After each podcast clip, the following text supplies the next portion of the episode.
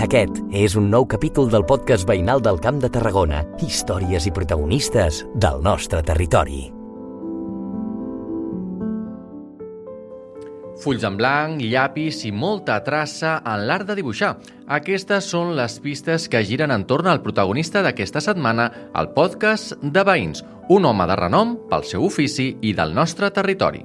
Soc Joan Vizcarra, dibuixant, il·lustrador, caricaturista, tinc 56 anys, sóc nascut a Montblanc, Tarragona. Actualment estic a Barcelona de manera professional i espero tornar al poble aviat. Joan Vizcarra, caricaturista amb llarga trajectòria i amb revistes com Interviu el Jueves, en el seu currículum recorda com ja de petit i jove se li donava bé això de dibuixar els altres. Bé, jo de petit eh, sempre em recorda tots els companys de, jo que anava a parbolitos ben petits, doncs que sempre estava dibuixant constantment.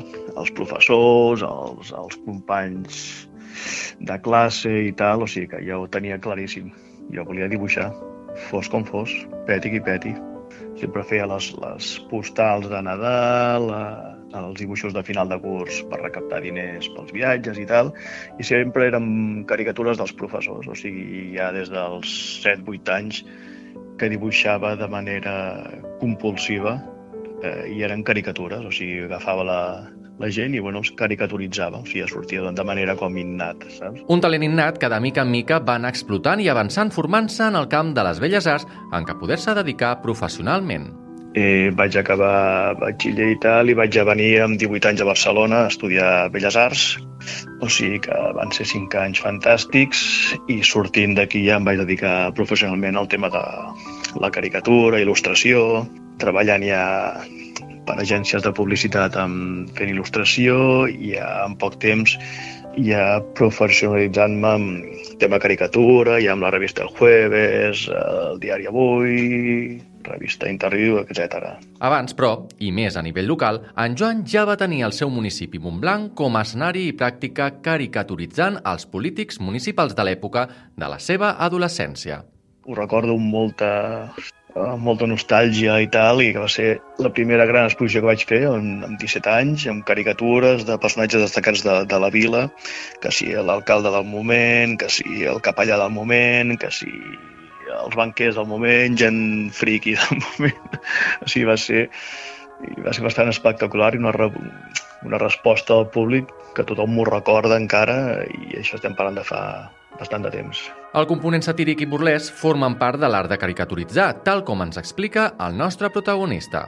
Evidentment, clar, la caricatura és, té un punt punyent de, de crítica política, social, i clar, el dibuix és humorístic.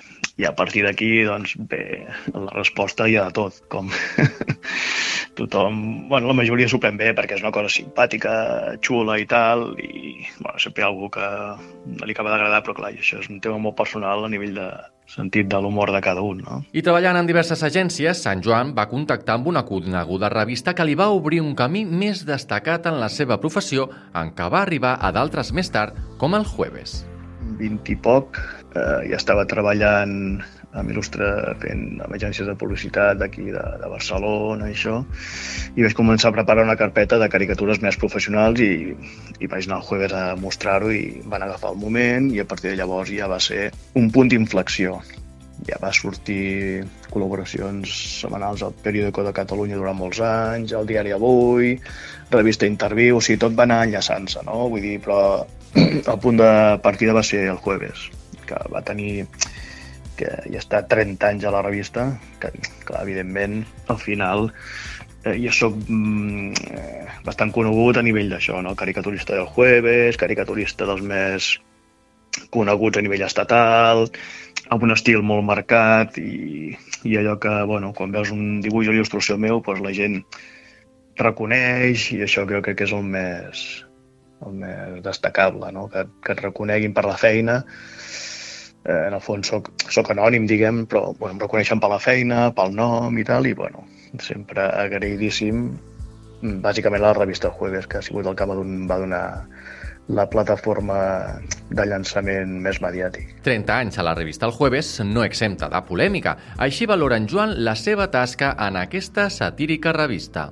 Imagina't, durant 30 anys he fet centenars de caricatures, il·lustracions, i, bé, hi ha hagut de tot, eh? Vull dir, eh, crítiques, eh, aplaudiments, eh, però és normal, no? És el que et comentava abans, que ja depèn del sentit de l'humor de cada un. I, clar, fer una feina tan, tan exposada, no?, a, mediàticament i a mitjans de comunicació, la gent et veu molt i ets molt conegut i, i bé, doncs hi ha de tot, no? però bàsicament re reconeixement de la feina. No? I en una responsabilitat com la de caricaturitzar i satiritzar l'actualitat política, social, esportiva, molt s'ha parlat també dels límits de l'humor, de la llibertat d'expressió, de la censura. En parlem també amb Joan Vizcarra. Que la caricatura té un ventall, diguem-ne, pots anar del més elegant, amable, fins al més canyero i punyent, no? I, i pots anar modulant, no? Diguem, el, el nivell de, de canya no? que li vulguis imprimir.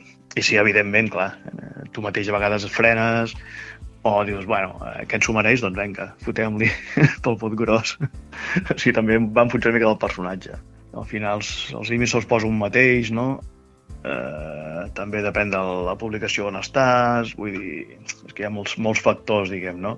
Jo sempre he intentat eh, fer un tipus de, de producte, diguem-ho així, que no vagi més enllà, que no, que no ofereixi, que no, que no et posis en, en temes molt, molt delicats com, com, com malalties, com coses així, diguem-ne, que evidentment ja, ja veus no? Que, que, no, que tens que afluixar, diguem, no? Eh, jo sempre he intentat fer un tipus de, de dibuix simpàtic, eh, divertit, i que no vagi a ferir mm, de manera molt heavy a, a gent.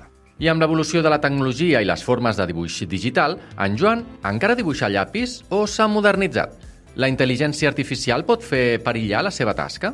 Home, realment jo em mantinc com fa 30 anys que vaig començar. O sigui, continuo treballant els dibuixos originals a mà, de manera artesanal, o sigui, amb les aquarel·les, el llapis, el paper i tal, perquè m'agrada dotar doncs, el dibuix final un toc encara humà, molt, molt artesà, no? Mm, sí que realment, clar, com és començar, sí que tothom dibuixava a mà, però progressivament molts professionals van anar passant l'aparició del Photoshop, de l'ordinador, va facilitar a molta gent doncs, eh, poder-ho fer les coses més ràpides i tal, però a mi m'agrada mantenir aquest to tradicional que, que, que encara es veuen els meus dibuixos, diguem. Recurrentment van apareixent eh, fenòmens i coses d'aquestes així perquè que al final la tecnologia no, no frena, diguem-ne. Vull dir, eh, jo en aquest sentit sí que veig que és una batalla perduda intentar competir amb la tecnologia, perquè la tecnologia sempre serà millor, més perfecta, més,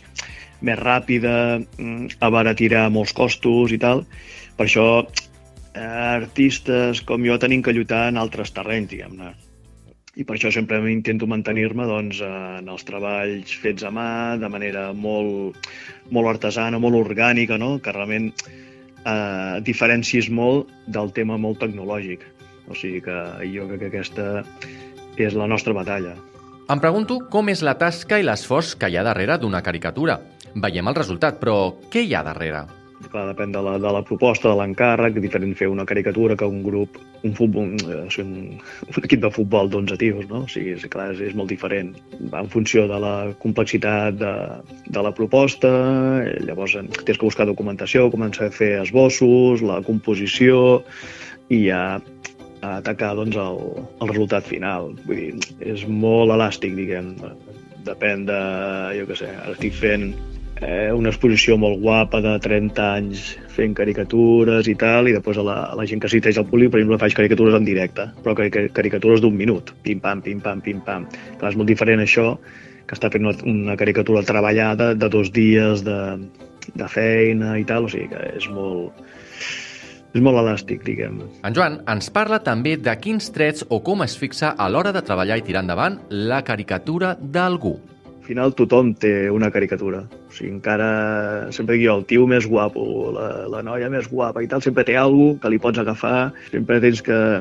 Perquè al final la caricatura és, es tracta de, de, de molta observació. I hi ha, hi ha, inclús hi ha alguna de, de, de psicologia, perquè, perquè al final extreus una mica l'ànima d'aquella persona i ho plasmes en un dibuix i, i, i clar, diguem, el, el procés és bastant difícil d'explicar, diguem, perquè és una cosa com molt, molt abstracta, no?